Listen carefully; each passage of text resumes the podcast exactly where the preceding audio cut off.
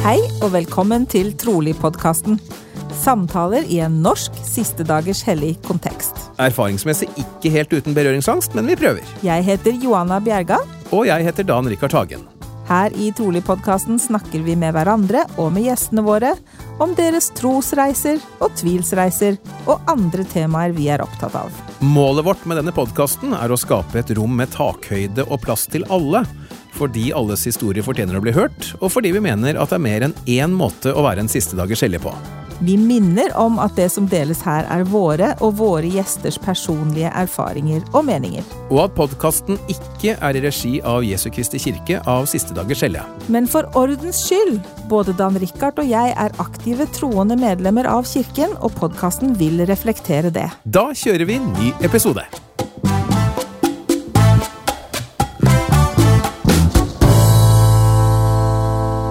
Hjertelig velkommen til enda en ny utgave av Trolig, og hei på deg, Johanna. Hallo, Dan. Hvordan er ståa i Stavanger? Det er jo det vanlige spørsmålet som vi må igjennom. Ja, det er visst det. Jeg må begynne å spørre deg hvordan det er i Moss. Men i Stavanger snør det, og det er jo ikke så ofte. Jaså, Ja. gitt. Dere er så langt på vei, dere. Ja, Og så har jeg vært på julemarked på Steinerskolen i dag. Ok, ok, ok. Så juleforberedelsene er godt i gang i Stavanger, også? Juleforberedelsene er godt i gang i Stavanger. Ja. Jeg har en niese og en nevø som holder til der. Ja. Og hos dere, da? Nei, altså øh, når, øh, vi, vi spiller jo nå inn denne podkasten her lørdag 27. november, det kan vi jo bare si med en gang, for det er vel en øh, viss sjanse for at episoden først blir sendt over jul, og da har det jeg kommer til å nevne nå allerede skjedd. Men nå har jo min familie ikke bare nedtelling til jul, men nedtelling til valp. Juhu! Så, så nå er det bare litt over en uke til vi skal hente vår valp, det er altså vår aller første hund, så du kan tenke deg at det gledes. Ja, nå blir det bare bilder av valper og hunder i, i Instagram-kontoen vår framover. Det Det er sikkert. helt riktig. Ja, og den skal selvfølgelig hete Trolig. Det kan godt tenkes at, den, eh, at det forslaget blir nedstemt, men det er en helt annen sak. Ja, Skal du introdusere gjesten vår i dag, Ja, kanskje? Ja, kanskje vi skal gjøre det, gitt. Um, Jeg kan jo si så mye som at eh, dette er jo utvilsomt vår yngste gjest eh, så langt. En kar som jeg hørte på en podkastepisode for Leading Saints for ikke så veldig lenge siden, og da må jeg si at jeg ble rett og slett fascinert av det jeg vil kalle et brennende engasjement rundt temaet frelse. Og rundt dette hvordan vi som siste dagers hellige ofte kanskje ikke helt forstår konseptet. Welcome to the podcast, Mitchell Taylor. Thank you. Glad to be here. We're very happy to have you here. Uh, I was just telling our, our listeners that um, uh, I heard you or realized who you were uh, after listening to the Leading Saints podcast for uh, just a couple of weeks ago. I was actually sitting in line to get my to get my winter tires on my car, and uh, I had uh, there were many cars in front of me, so I was able to listen to the whole episode, and uh, I was very fascinated about your um, what do you call it? Your um, um, uh, you were very passionate, passionate. Sorry, Ah, yeah, you were so that's- passionate. that's also yeah, true. yeah, uh, about about salvation and the doctrine of salvation and and how we as uh, Latter-day Saints often, yeah, misinterpret the. Can misinterpret. Yeah. Yes, exactly. So we're gonna set things straight now. Well, we'll try. It's a, With- it's a long process. With help from you. but at least to plant the seeds to get that growing. yes, exactly, exactly. But before before we do that, though, we want to know a little bit more about you. Of course. Yeah. So feel free to, to tell us a little bit about yourself. What we know is that you're 19 years old and you're from R- Rigby, Idaho, and you have written a book, and we're going to talk about that as well, of course. Oh yes, of course. Yeah. So, like they said, yep. I'm 19. Um, I wrote my. I started writing my book when I was around like 15, 16. Got published when I was 17. It's called Perfect in Christ: The Good News of God's Grace. And like we were saying, it's just a book to help teach the gospel and to teach uh, grace and forgiveness that Jesus tries to extend to us, and that we can and we can have a perfect assurance and know that we are going to the celestial kingdom because of Jesus Christ. Wow. what an introduction. So what what on earth? I mean, Uh, I I have four kids. And they've all been teens, and mm-hmm. Dan has lots of teenagers in his house. Um, I cannot think of anything further from my reality, anyway, than having a 15 year old write a book about salvation and grace. Mm-hmm. So, what on earth happened? I, I mean, if you told me when I was like younger, 12, 13, that I was going to write a book, I mean, I'd be like, what are you talking about? I barely can I, I cannot write a coherent sentence, let alone an entire book.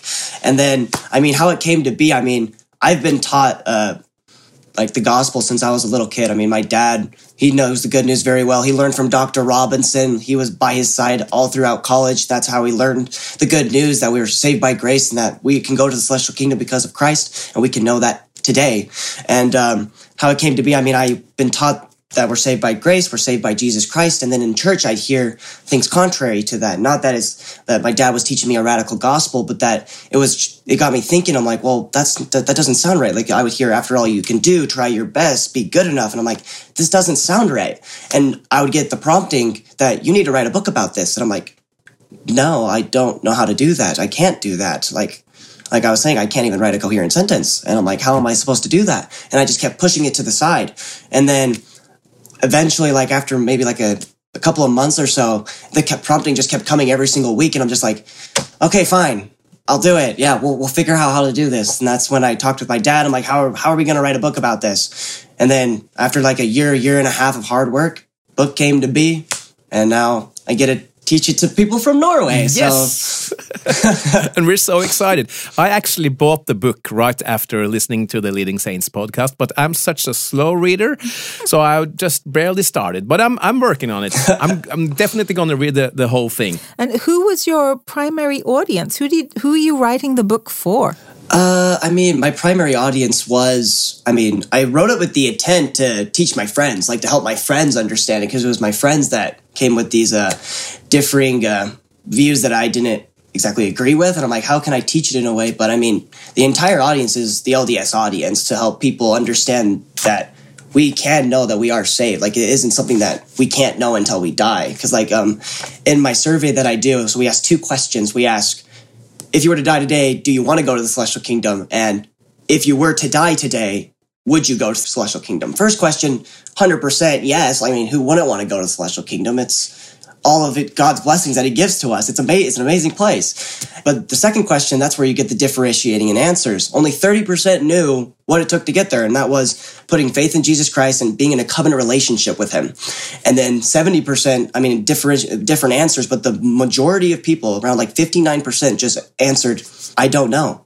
And then to that, they answered, I don't know. Like they just, they just didn't know, which God isn't one of confusion. Like He doesn't, he doesn't he wants us to know. Like it's not just he's like ah oh, you guys aren't supposed to know. No you can't figure that out. It's like it's in scripture. He says it clearly. Believe in christ. I mean it's throughout the bible book of mormon doctrine and covenants pearl of great price. It's just we just have to look at scripture through a different lens. Hmm. let me just ask you a question there. Why do you think uh, many uh, of uh, the lds um, um, members um, don't view it yeah, differently. Yeah, yeah. What, what what's the problem here? Um, I mean, I think it's mainly from it's been taught. There's it's just been taught differently for so long because we've we've emphasized works, but there's nothing wrong with works. Works are required. They just don't save you. But we just got to the point where we swung them on the pendulum too far into something I call legalism, where instead of works being something that help you point you to Christ, to help strengthen your faith, to help you become like Christ, which is sanctification, it becomes a burden. Where that's when he, Jesus teaches in Matthew 11, 28 through 30 that take his yoke upon him because it's easy. It's not supposed to be a hard process. Like it's not supposed to stress us out and make us anxious and have anxiety. Those aren't those aren't feelings of the spirit. That's the devil trying to weigh you down and make you not look to Christ. And it's just gotten to that point where instead of it helping invigorate your soul, that it weighs you down, which that's not the purpose of works. The purpose of works is to help us become like God. so basically, it's just we, it's just been ingrained in our minds that works are required, but then we forget that Jesus is still there and that we don't put our faith and trust in Him. That we put our in the arm of flesh, and then we're never going to be good enough because Romans three twenty three for all have sinned and fall short of the glory of God. We can't get in, and then one nineteen I, God, cannot look upon sin with the least degree of allowance. So we're in a bit of a dilemma here that we're imperfect. Christ is perfect. How do we, how do we merge that gap? And that's when Jesus comes in, that he gives us his perfection as a gift. And that's justification. He justifies us instantly when we put our faith and trust in him and he changes our hearts. And that we're instantly perfect in Christ and that we reach the requirement of the celestial kingdom, which is perfection, not because we are perfect, but because Christ is perfect and we've put our faith and trust in him, which that's the biggest distinction is that we put our faith and trust in Christ, not in our in ourselves and our works, because our works, by the law, no flesh can be justified. Mm. Uh, so uh, let me just ask you a question. Uh, so what you're saying then is that, uh, of course, Christ has already um, atoned for our sins. Correct. So what you're saying then is that means that for anyone, the sins are cleansed right away because of the atonement, right? So basically, how I how I've come to understand it is that so Christ, so it, it teaches in D&C like how does it bestow if, if a man bestows a gift, uh, what does it profit a man if he doesn't open those gifts? And uh, so basically, I mean, Christ has already atoned in Gethsemane. The price is the the battle's been won. I mean, his hands, the hand, prints in his heart, hands and his legs, they prove that. But we have to receive those gifts. So, I mean, I'm st- we're all still sinners, right? But do we choose to open those gifts and to receive those blessings of grace and forgiveness? Because there are those that just they don't open his gifts. Mm-hmm. And that's the biggest distinction is will you open the gifts that Christ has already given to you? But along the lines more with um, also why we might be more averse to grace is that um, other denominations believe in it. Mm-hmm. And that because it's truth, truth is truth. But we get to the point, like in Robert Millett's book, he asks his dad, he's like, Hey, dad, do we believe in grace? He's like, No, we don't. He's like, Why? Because the Baptists do. But the whole that's not a good reason not to believe in something simply because another person believes in it that you disagree with. Because mm. truth is truth. Mm. But the main distinction that I always get whenever I try to teach grace and forgiveness and that Christ has saved me, he's like eh, the most common response is, "So I don't have to do anything. I can just sit back, relax, woo, I'm done." Right? It's mm-hmm. like no. Mm-hmm. Justification is just the beginning. Once you're justified in Christ, that's not the end. There's still sanctification. So that's when I teach either uh, I do the medical school analogy. So basically, what that is is let's just say you want to go to medical school. You know it's going to take a whole lot of hard work, effort, and money. And so you start studying, figuring out which school you want to go to, how you're going to get the source of income so you can get through college if you're going to have to take out a loan. And then one day you get a call from an old man and he's like, Hey, I hear you're trying to go to medical school. And he's like, yeah. He's like, what if I told you I'd pay for everything? School, board, food, anything. You don't have to pay a dime. You're like, yes, I'd love that. I'll take it. And then as you accept the gift, you go to school, you get your medical school degree, you become a, you become a heart surgeon. And what I like to say after that is by the man extending this gift, which is like Heavenly Father extending grace and forgiveness to us, did all of a sudden denote or make him not want to put in work and effort? No, it made him want to do it more. Because then I like to say, if I got a scholarship from BYU Provo to play soccer, I'd take it because I love soccer and it would actually make me want to go to school more because I need to have good grades in order to play. And then that's the main reason people are afraid of teaching grace is because they're afraid, well, if we do this, it's going to give them license to sin. They're not going to want to do things. It's like, no, I, I think it's the opposite. If somebody truly understands their relationship with Jesus Christ and what he's done for them, it changes their very hearts and their nature. Because it says in Mosiah 5 2 that they had no more disposition to do evil, but to do good continually. It wasn't that they stopped sinning, it's that they now have waged a battle, a war against sin, and now they fight against it and try to become more Christ like. And that's what grace does to us. It makes, it leads to greater sanctification, not to laziness or ir- irresponsibility or passivity. Very interesting, and we already felt your passion about the, this uh, subject, and it's very, very good. Uh, uh, as I said, I just started reading your book, and you start your book with a really good story from your own life. The Ferrari. Yes, the Ferrari story. You want me to share that? Yes, please. Of course. So yeah, uh, how it says in the book. Yeah. So I, I started off when I was five years old, and uh, my dad was a scoutmaster. So him and the scouts were working on the cinematography merit badge, and um, I tagged along with the scouts to, to go to one of my neighbor's house, Dave Wilson, because he owned two beautiful Ferraris. And it, for the movie, they required two luxury cars. And so we went over, and I mean, I was five years old, and they're talking about other things that a five year old doesn't really care about. So I, you know, I wander off. I'm trying to find something to do. I'm like bored, and I find an I find a swivel chair on an elevated workbench, which was directly above the hood of the Ferrari. And I, but I didn't know this. I just found a swivel chair, and I just start spinning on it, and I'm spinning, having such a fun time. And all of a sudden, I the, the swivel chair gets to the point where it goes over the elevated workbench, and I, me and the chair land on top of the Ferrari denting and scratching it. Oh it. my gosh. Yeah, it's not good. and always gets a gasp in the audience. It's like, yeah, I know, I messed Yeah. up bad. And um, after that, Dave and my dad turn apprehensively, and I'm like, oh crap, I know I did something wrong. I just sprint behind my dad, I'm grasping him, and Dave's trying to talk to me. He's trying to look at me, trying to. I'm like, I'm not looking at this guy. I'm like, I still can remember this vividly. I mean, it's like engraved in my brain, and I just could not look at the guy because I knew what I did was bad. And eventually, he's like, oh yeah, I'm not gonna be able to talk to him. He's just like, hey Mitchell, it's okay. That's why they make paint. I'll be able to have it fixed. But I mean, my dad wasn't as gracious as Dave once we got home. He says, Mitchell, I know what you did was an accident, but we need to pay for the damage that we have caused to Dave's car. So I need you to get all your money out of your piggy bank to help go to those costs. And I'm like, no, I don't want to start all over. I just, I worked so hard to get that $20, whatever it was, right? I was only five. But after a bunch of tears and crying, he took my money. He took a blank check over to Dave and he's like, here's all of Mitchell's money and a blank check to pay for the damage. We're sorry for what we caused to your car. And he's like, I can't take this, Cameron. You're an honorable man. I can't take this. He's like, no, you need to take it. I, me and my son caused the damage. We need to pay this. It's our fault that this happened. We have to pay for it. He's like, no, you don't. I'll have it fixed. Consider it a gift. And then what I like to teach after that is that just Dave extended grace and mercy to me and my dad, and we didn't deserve it. We should have been the ones paying the price for that car.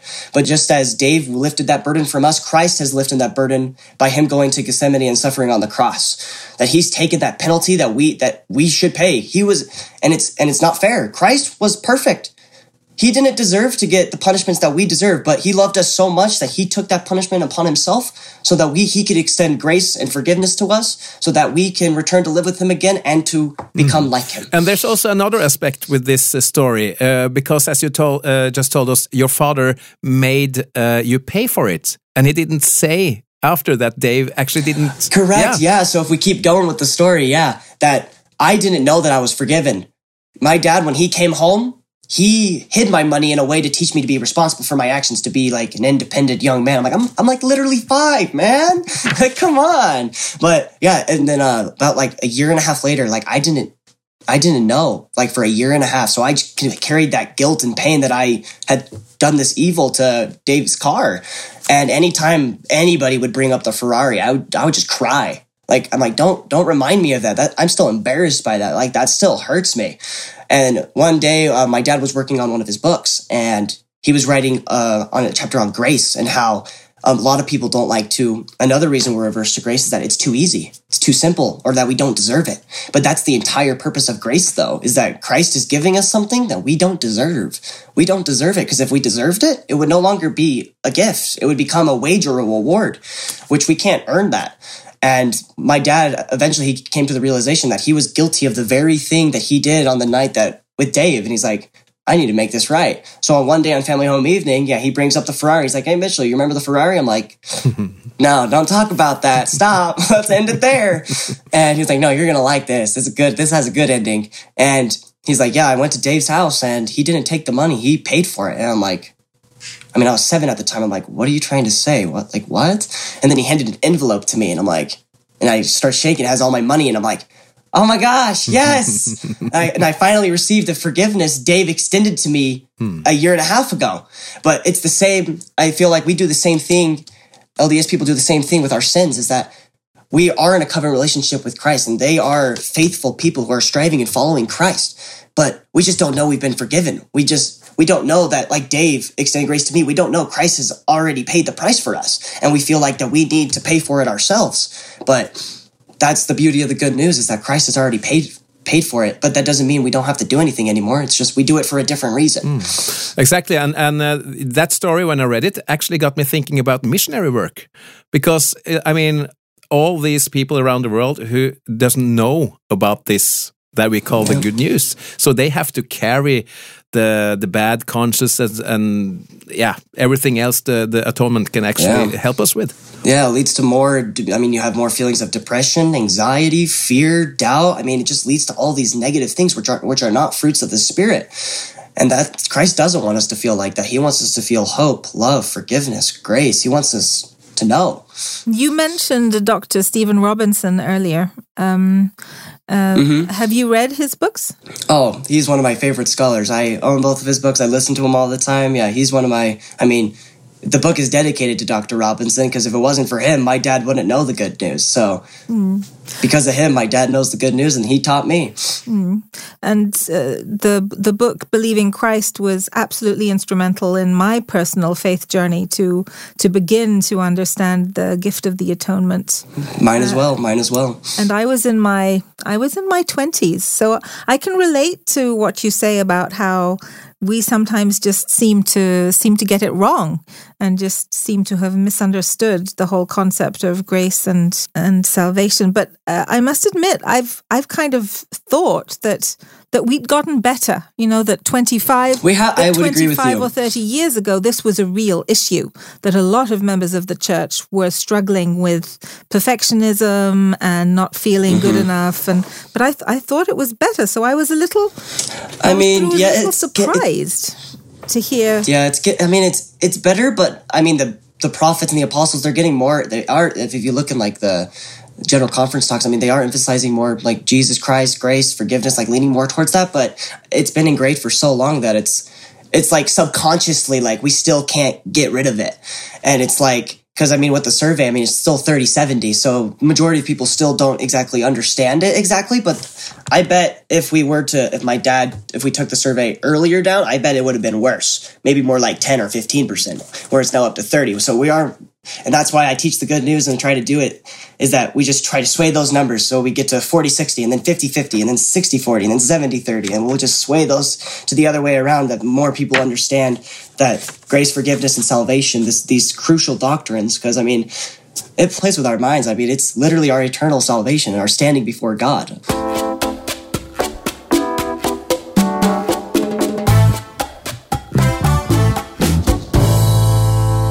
We kind of skipped one part in the beginning, and that's your faith journey. Of course, you're still young, but um, tell Yeah. us a little bit, about, and maybe how uh, this uh, realization about this concept might have helped you.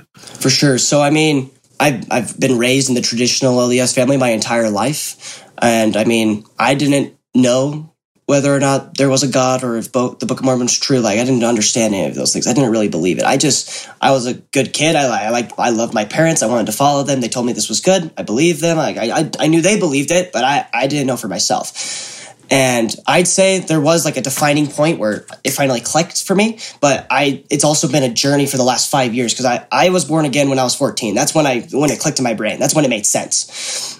And then it's been five years of developing that relationship with Christ. But there is always for me, there's been that defining moment. And I'll share that real quick. So uh, it was the beginning of soccer season and we had tryouts. And uh, during tryouts, I was playing really good. And then one of my friends, he stepped on my foot and it, it felt like it was broken, but I mean, I was a, a man. I'm like, it's not broken. We're gonna keep playing. So I keep playing, right?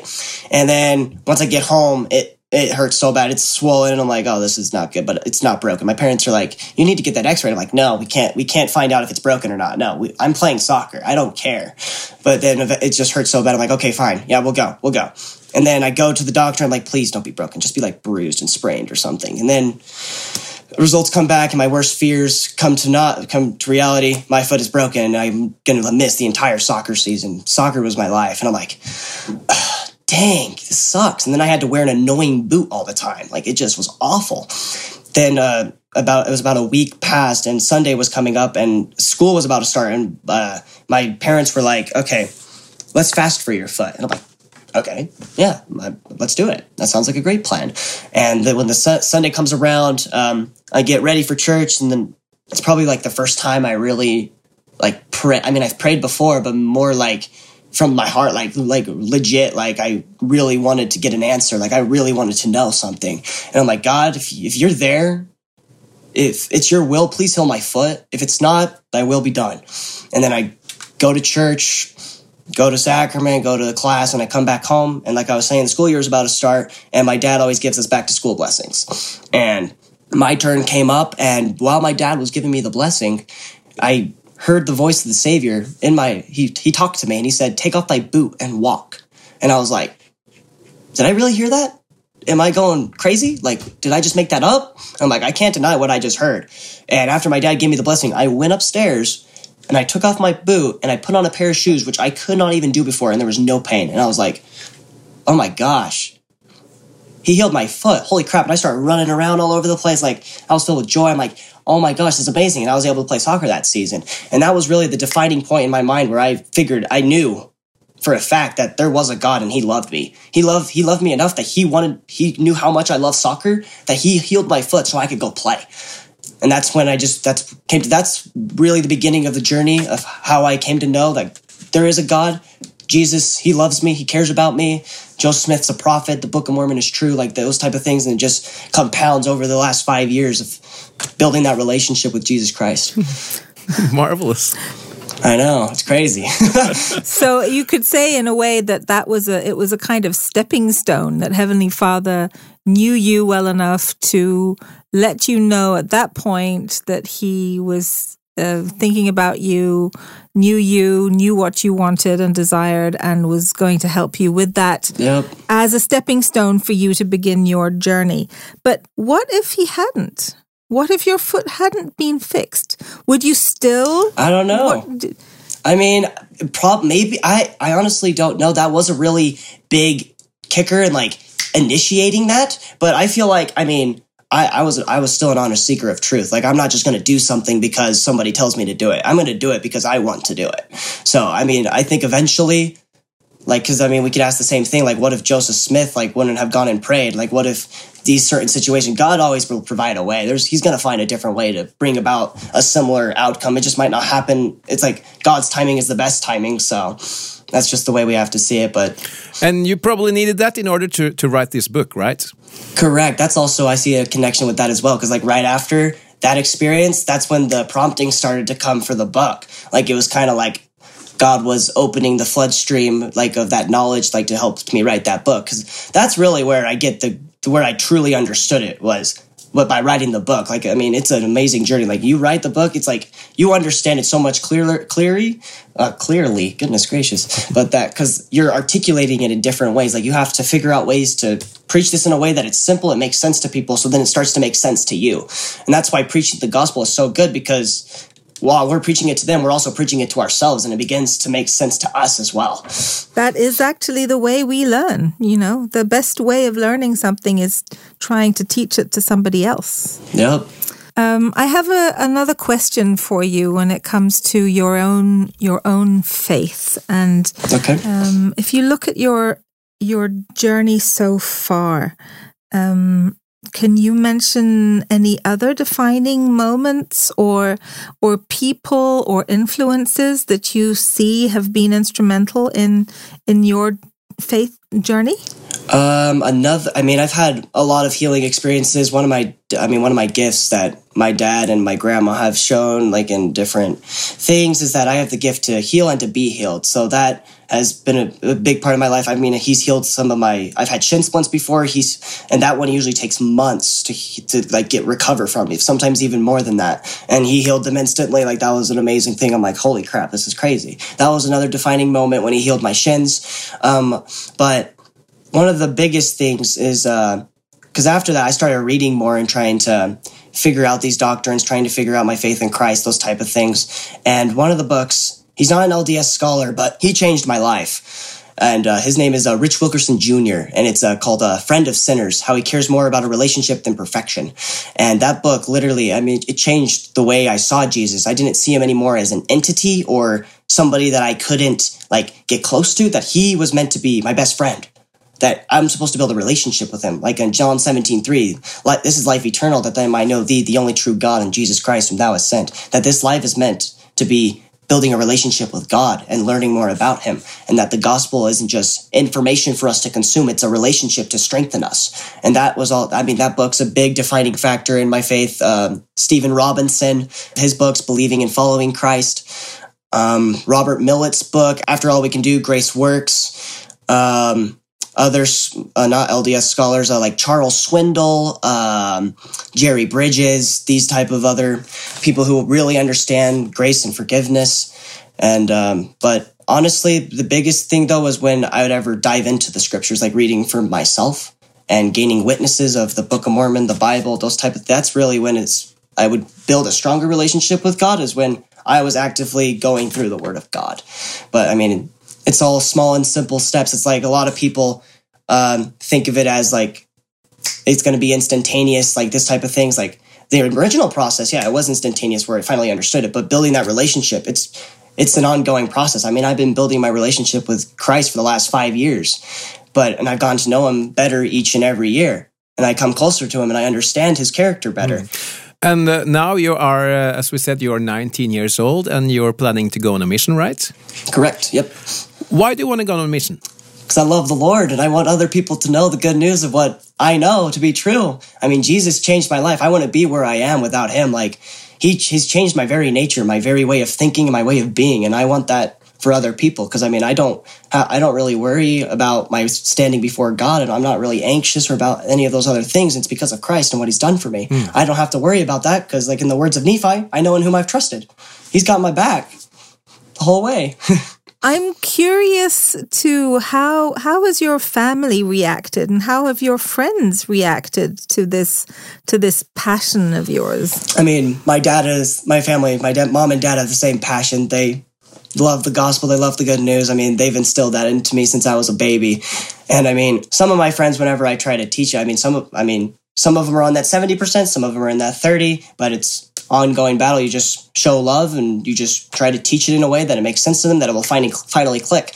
And that this is also a thing that I like to, is that everybody comes to Jesus at a different time. Like there isn't like a set point in time where this is when you got to do it. If you don't do it, it's all over. Like you're lost. It's like, no, God's timing is the best time. He knows when it's the perfect time for you to receive that in a way that it will change your very nature.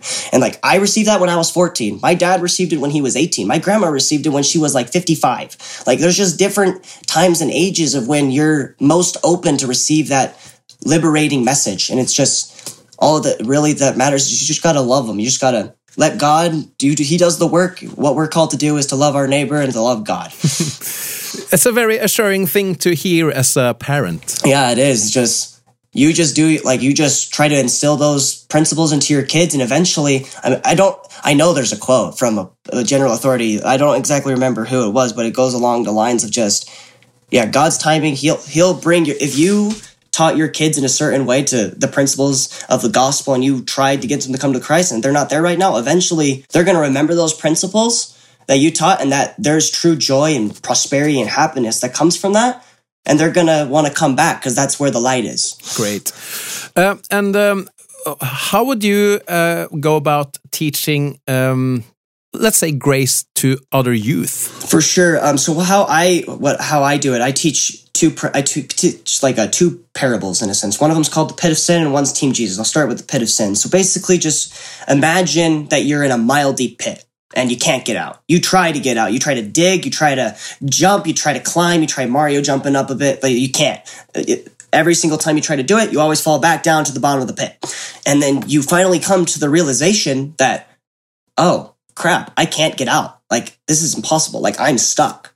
Like I cannot get out. And that's the and that's when you realize like I need to trust in God. You come to the realization that I can't do it, so I need to go to a higher power. And that's when you look up and you see Christ arm extended reaching for you and you he, you're like lord save me he grabs you pulls you out of the pit and that's justification is that when we realize that we are sinners and we fall short of the glory of god and that we can't make it and we put our faith and trust in christ and we believe in him and that's when he grabs us and he justifies us, declares us perfect in Christ. And we meet the requirement of the celestial kingdom, not because we earn it or deserve it, but because Christ loved us and he wants us to have these blessings. And once we're justified, it's not the end. He leads us over to a ladder and it's called the ladder of sanctification. And we hold hands with Christ and we climb up that ladder and each rung is like repentance. And we're just constantly striving and struggling, climbing up this ladder to become perfect like Christ. And we're going to fall. We're going to fall down a few rungs, but all that what matters is that we're in a covenant relationship with Christ. We're still perfect in him, but we're not perfect like him. And he says, that's okay. Let's get back up. Let's try again. And we keep climbing and struggling and striving, and then we fall again. And then he, we, he picks us back up, and then we keep climbing. And it's just an ongoing process where justification is instantaneous, sanctification, it's progressive. It takes time because you can't magically become a heart surgeon by just saying, I want to be a heart surgeon. It doesn't work like that. You, you have to go to school. You have to, you have to go to class. You have to study. You have to do your homework. You have to go in the operating room. You have to gain the attributes of a heart surgeon, and that takes a long time. And that's also something that we need to realize as well is that the perfection of God is so incomprehensible. Like we can't even manifest like how amazing like he is. Like how I see it is uh, with C.S. Lewis, how he teaches that if you were to try to teach uh, a 2D person what a three what a three dimensional world is, they couldn't comprehend it. And it's the same with us. Like God is a multi-dimensional being, and we're 3D. And it's like, how do you think we can comprehend that? It's like His perfection is. It, I, it, there's no words to even describe like how majestic it would even be. So it's just a long, long process. And uh, the other way is it's called Team Jesus. So how I like to start it is um, I like basketball. I love it. It's one of my favorite sports. And I was eighth grade year and I was going to go try out for the basketball team. And I knew it was going to be hard, but I wasn't expecting it to be like 70, 80 plus kids to come and try out. Like I was like, oh wow, a lot of people want to play basketball. And in order to make the team, you have to be good enough. Like it doesn't matter how good you are. It all depends on the coaches thinking that you're the best basketball player out of all these kids. And every day you work hard, hoping at the end of the day you don't get pulled aside by the coach saying, well, better luck next time. Go practice and maybe you can make it next year. And I was fortunate enough to make one of the 10 to 15 spots on that team, but there was the other 70, 65 kids that had to, to go home. And that really hit me hard. I'm like, oh, wow, that's crazy. Like, man, that's, that's, that's gotta suck. And thankfully, salvation in the celestial kingdom to God is not like that at all. He doesn't just take the top 10 to 15 people. He takes all 70 and he gives them a Team Jesus jersey. And that's what justification is, is that to get on the team, it doesn't matter how good you are, what your free, pro, free throw percentage is. You don't have to be a Stephen Curry or a Michael Jordan to get on the team. All he cares about is that you have a desire to be on his team. And that's how you get on his team, is that you want to be on the team.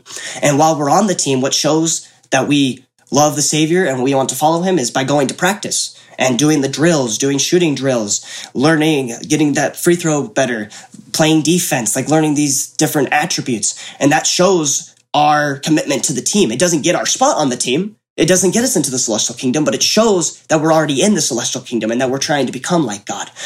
And then some people might think with the with this analogy, oh, well, what percentage do I have to get on to get on the team? That's the wrong way of saying things. No, you have to have a desire to be on the team. Doesn't care if your free throw percentage is 10% or 90%. What gets you on the team is Christ, not what your free throw percentage is. And if we make mistake, we're going to make mistakes. Or if we score a basket for the other team, Christ doesn't kick us off the team temporarily, make us repent and then come back. No, he keeps us on the team and he lets us keep learning and growing and making mistakes and becoming more. And that's, because that's also the beauty of the good news too, is that we can still be in a covenant relationship with Christ even though we make mistakes. Like that's a gracious God that He's allow He allows us to make mistakes and to learn and grow. Because that's the whole mistakes are a part of the sanctification process. If we couldn't make mistakes, we couldn't become like God. And that's one of that was one of Satan's things that he did not like about God's plan is that people some people wouldn't make it. But if we made it so everybody would make it, then it wouldn't really we wouldn't even be able to become like God. Like there would be no mistakes. We wouldn't learn anything. And that's the whole, that was the whole point of this probationary state is to learn to become like God. But in order to get there, you need justification. And that's also what I like to, this phrase that uh, God gave me the revelation, I put it down on paper is that justification without sanctification is pointless. And sanctification without justification is impossible. You can't do it. Because the whole point of justification is to be sanctified. And without justification, you can't be sanctified. Because even if hypothetically you got to 99%, you still can't get into the celestial kingdom. You're no better than the 1% on the side of the road. Like, you still need Christ. Which reminds me of the sacramental prayer, which I think is such a good reminder of of our Heavenly Father wanting us to what he's asking of us is willingness. You know, he says that they are willing yeah. to take upon them the name of thy son and always remember him and keep his commandments. That, you know, that we're not always going to manage to keep the commandments or always remember exactly. him. But as long as we're willing, that's what matters. Christ cares about our heart. He's he's going to bless us with his spirit anyway. Yep. First Samuel 16, 7. God looketh on the heart, not the outward appearance. Because I mean our actions don't always manifest what our heart truly believes and we all make mistakes. But that's not what God cares about. He's trying to get those actions to align with our heart, but that takes time. Like it doesn't just magically happen, but all he cares about is that you're desiring, you have a desire to follow him, and that's when that he gives us that grace and forgiveness to boost us up and to keep us going. We uh, we uh, emailed a little bit before we started the, this podcast, and I, I uh, asked you to yeah, to, to make a little outline of things you would like to talk about. Uh, I Mm-hmm. think we've talked about most of them, uh, but there is one thing you wrote that I would like to to hear your uh, thoughts about, and that's build, building a relationship with Christ. You have touched the, the, the subject, but, A little bit. Yeah, but what would you like to, to share uh, on that thought? Uh, the main thing that I like to share about this is that, uh, so, I mean, within the church, we like to stress um, behaviors. We try to ingrain behaviors into our kids. Like, we need them to read their scriptures, say their prayers, pay their tithing, go to church, like to do these behaviors. And they're good things, but it's uh I call it symptoms versus the source because then we come to the point where like they don't they don't have this true faith they don't really understand these things and they deal with anxiety depression inadequacy and it's because that we're dealing with symptoms which are not reading their scriptures saying their prayers paying their tithing outward things where we need to be looking at the source of the problem which is not understanding or having a relationship with Christ and how I teach this is I have flat feet and it means I just have no arch in my foot and I would go to like practices, like after like after basketball or soccer practices, I wouldn't be able to walk the next day because my ankles, my knees, and my shoulders would just hurt so bad that I just couldn't do anything. And we would go to shoulder specialists, knee specialists, just basically anybody who could help solve my problems, and they would give me short term relief. Like, I mean, reading our scriptures, saying our prayers, they're all good things, but the problem's still it's still there. And we're like, why isn't it working? And then we start to we start to like lose hope. We're like, I'm doing these things and nothing is working. Why isn't it working? And then finally I found a physical therapist and he just approached the entire the entire situation differently. He didn't look at my ankles, he didn't look at my knees, he didn't look at my shoulders or my neck. He didn't look at any of this stuff. He looked at my flat feet. He's like, "Okay, walk towards me." I started walking towards me. He's like, "Okay, I found the problem. Like that is bad." Like and then finally, so how he diagnosed it, we had this foam pad and he put my feet in it and it would put a perfect picture of my foot. And I got my inserts in like a month or so. And right as I put those on, like after a week of wearing them, my pain was all gone. I didn't have pain in my knees, my ankles, my shoulders. And I just would like to relate that to the gospel is that once you attack the source of the problem, which is not understanding Jesus Christ and having a relationship with him, that the, the behaviors will naturally come. And that's like the whole point of the gospel is that it's a relationship. It's not to get ingrain ourselves with these behaviors to earn something is that to have a relationship to help us become something. With a relationship it's that it takes time. Like it's not just something that's just going to happen overnight like we've talked about. Hmm. And that i also i've come to this thing as well is that do you want to follow somebody that you don't really know or understand or have trust in? Like i don't want to follow something that i don't like that i don't believe in. And that's like we're it's like you're trying to get your kids to do something that they don't really know why they're doing it. It's like, why would they want to do it? Like, I mean, when I was 14, I mean, I didn't really want to do those things. I'm like, why, why would I do it? Like, it's a waste of my time. I could be go play basketball or soccer. But once I came to the realization of what Christ has done for me, my entire nature changed. Like, now I want to read my scriptures. Now I want to say my prayers. Now I want to pay my tithing. I want to do these things, not to earn something, but because I love Christ so much and I know the blessings that will come from it and that what they will help me to become. Let's let's just uh, finish this part of the podcast by asking you uh, the final question you wrote in your outline, Oh, yes. and that is How can we know? yes, the confident question. How can we know?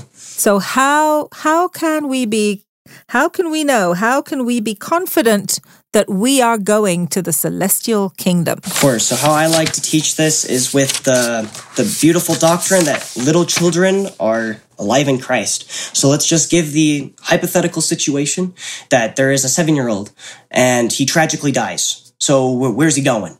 And how do we know where he's going? We know the doctrine that all little children are alive in Christ, that they're saved. And it's like, so was the seven year old keeping all the commandments? Were they, did they have all their ordinances done? Were they doing all these things? No, they weren't. Oh, how do they get in? Because of Christ. They get in because of Christ. So now let's just change the scenario that there, you have a kid, he turns eight, gets baptized, and then he tragically dies at age nine.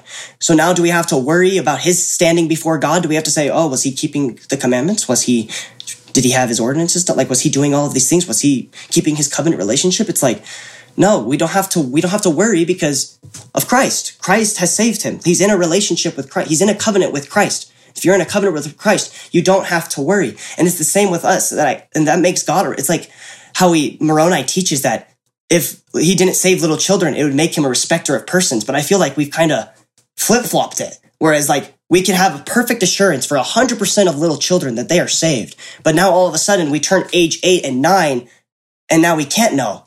It's like, well, now is God a respecter of persons for anybody that exceeds the ages of seven? It's like we've just flip flopped it in a sense. And it's funny because we talk with uh, seven, it's, it's grace, it's forgiveness, it's justification. Like, oh yeah, they're saved, they're alive in Christ. And then we get baptized. And instead of teaching yeah, you're in a covenant relationship with Christ now. You are justified. You are perfect in Christ. And you know how you get to the celestial kingdom? And they ask why? You're like, because of Jesus Christ and what he did for you in Gethsemane on all the cross. That's how you get in. And, but instead we say, you're now the cleanest one in the room. And now don't make a mistake. Mm. And it turns from grace to now you're on your own. And where instead baptism should, it's meant to connect us to Christ. It's meant to show our rebirth becoming a new creature in Christ. It's symbolic of that. And we just flip, instead, we just leave Jesus in the baptismal font and we try to do it on our own. And it just turns from works and I got to do this on myself. I got to be good enough where we can't be good enough on our own. And that's the reason we need a savior is because we can't be good enough. And that's how we can have a perfect, we can have a perfect assurance, not because because if we put our faith and trust in ourselves, of course we can't have a perfect assurance. That's why people come with those doubts of, oh, I'm not good enough. I don't know if I if I'm worthy. I, am not the judge. I don't know if I've reached a certain level of obedience. It's just that we've confused the process of sanctification with the instant gift of justification. And that we just think that we have to climb the ladder of sanctification to a certain level in order to get in, which how the reason we got in was once Christ lifted us out of the pit. And that's a principle Dr. Robinson likes to teach is that uh, we don't we don't try to earn our way into the kingdom. We're trying to stay in the kingdom, endure to the end. Is that we're already in the kingdom. Sanctification's already it's while we're in the kingdom. We're while we're in the kingdom, we learn to become like Christ. And we can leave at any time, but Christ won't kick us out. It's all on our plate now. Is that because hmm. Christ is bound when we do when he when we do what he says. If we believe in Christ, he's he's bound. He has to give us eternal life because he's he's bound by those principles. But we can leave and Christ won't force us to stay because his isn't one of force, it's one of persuasion. And that's just how you can know that you have a, a perfect assurance is because Christ is mighty to save. He isn't just good at saving people. He's perfect. He's a perfect savior. He's good at his job. He knows what he's doing. And one of the, my favorite scriptures is Moses 139. My work and my glory is to bring to pass the immortality and eternal life of man. And like we've been talking about, it's a process. It takes time. And like we just think it's like a one and done thing. It's like, no, this is going to take time. Like salvation is a long process, but we don't have to worry about our standing before God. Christ already proved that on the cross. Our worth is proven in Christ. Like D&C 1810, the worth of soul is great in the sight of God. We're priceless. There's nothing we can do to change that. Christ's view of us does not change, but it's all on our court to accept that and to receive that and to learn, grow, and to become more like Him. Hmm. And it's such more motivational, uh, also, I think, to, to uh, what you just said that we are already in the celestial kingdom. Let's just keep being there. Exactly. Yep. Or make sure we still want to be there you know and that's a know? that's a concept that dr robinson teaches yeah. yep it's like do you really want to be here like absolutely yep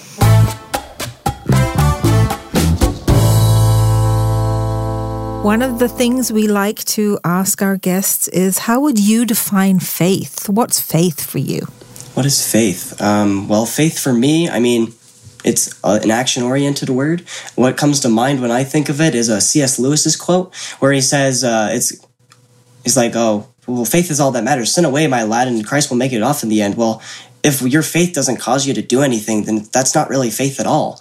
And like James teaches to James 2, I think 219 or 210, somewhere in there, that faith without works is dead. Like I'm going to show you my faith by my works. And that my faith in Christ, I mean, I have faith in Christ and that leads me to do things. And that that's really what faith is, is if you truly have faith in something, it leads to action. And that's why, like, when a lot of people, when you teach grace or forgiveness, it's like, oh, it's going to lead them not to do anything. Well, well, if they have faith in Christ and they accept those gifts, they're going to do something. Because if they've truly been born again, they're going to do something. That's what faith does. It changes you and you put, and that's also what faith is too. It's trust. You're putting your confidence in something else. It's things that are hoped for, evidence of things not seen. So it's, you're putting your faith and trust in something. It's not in yourself. You're putting it into another source. You're putting it into Christ. And that's, I mean, that's the main thing that I see with faith is that it's action oriented and that we're putting our faith and trust in Christ and not in ourselves. Great. And President Nelson has talked a lot about hearing him, uh, as in hearing the uh, hearing Christ lately. H how do you hear him? Um, I think I hear him the most when I, how I learn and how I really process information is when I'm reading, when I have a book in front of me or it's on the screen, like when I'm reading.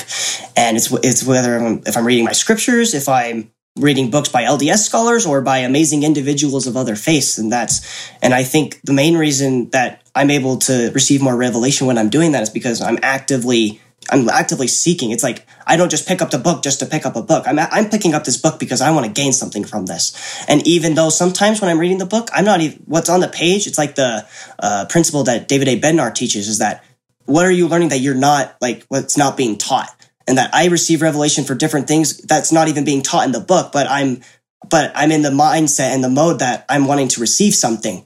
And that's how I feel like that's when I hear him the most is when I'm actively searching for answers in books.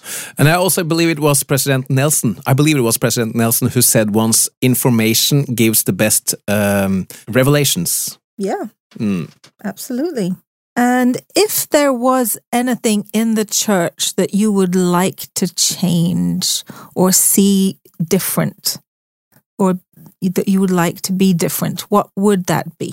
Oh, when I saw this question, I was like, this is so taboo. but yeah, I was happy to see this question because I mean, it's the ongoing restoration. We need to be changing. We need to always learning and growing. So the one thing that I think I would want to, how I would like things to be changed is um our language in a sense of how we like talk. Because I mean, language it means a lot of things with uh, misdirections of faith, putting our faith and trust in Christ and not in other sources. So how what I teach in I think chapter eleven of the book, the main one that I mean, President Nelson addresses saying like the atonement, the power of the atonement, the enabling power of the atonement, where that's a misdirection of faith. We're putting our, we're telling them to put their trust in an event and this thing that Christ did instead of who literally performed the atonement, the Jesus Christ. He's the, he's the whole source of that. He's the one that forgives you. He's the one that cleanses you, not the atonement. And just just talking more of Christ. The scripture that I love is 2 Nephi 25, 26, that we talk of Christ. We preach of Christ. We prophesy of Christ. And we teach our children that they may know to what source they look for remission of sins. Christ is meant to be the center of any everything. And if we talk about anything, whether it's like the church, our prophets, ordinances and covenants, uh, keeping the commandments, all of them are supposed to be connected to Christ because that's when they get their power, is when it's connected to Christ. Because if you take Christ out of the equation, if you don't talk about him in any of those stuff, I mean, ordinances, they just become fancy rituals. There's no power behind them. I mean, then there's no really like anything. Commandments just become things that we're doing instead of things that change us and help us become more like God.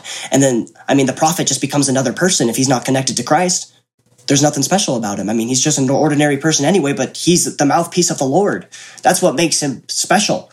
That's what makes him that we should listen to him, not because he's the not because he's the prophet, but because he's the mouthpiece of the Lord.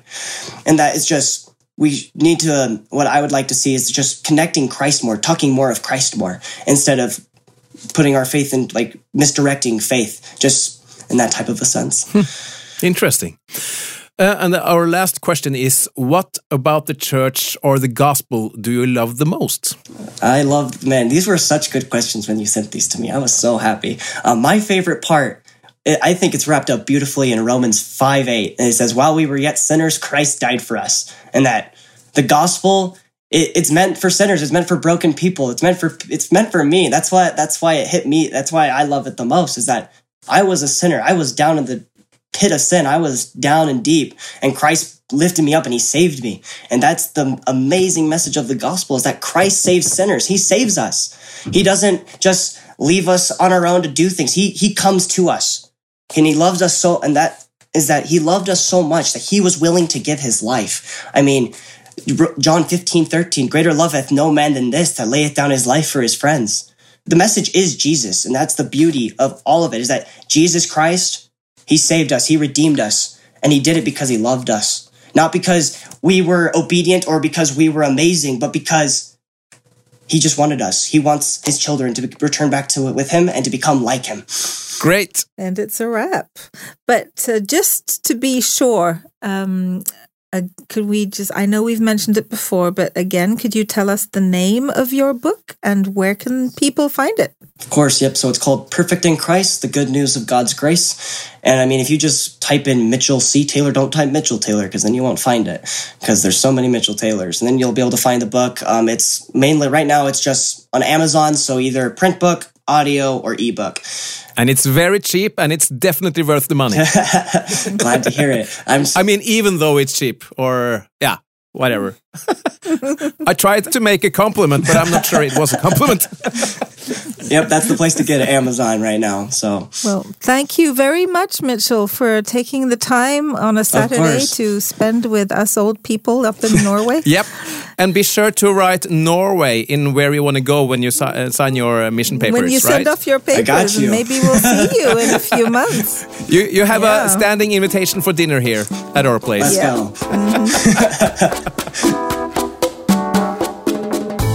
Tusen takk for at du hørte på dagens episode. Vi er snart tilbake med en ny og spennende samtale. Og for å gjøre ventetiden litt kortere, så kommer som vanlig vårt nyhetsbrev mer enn trolig i innboksen din om kort tid. Ja, Det er hvis du abonnerer på det, da, og det gjør du enkelt inne på vår Facebook-side. Ja, og i tillegg så finner du oss både på Instagram og Twitter, som oppdateres med jevne og ujevne mellomrom. Har du forslag til enten temaer eller gjester du syns vi burde snakke med? Send oss en e-post til troligpodkast med k at gmail.com. Og vi blir veldig glad for skriftlige tilbakemeldinger i alle våre kanaler. Og ikke glem at dette vil også hjelpe andre å finne trolig. Takk for nå. Vi høres!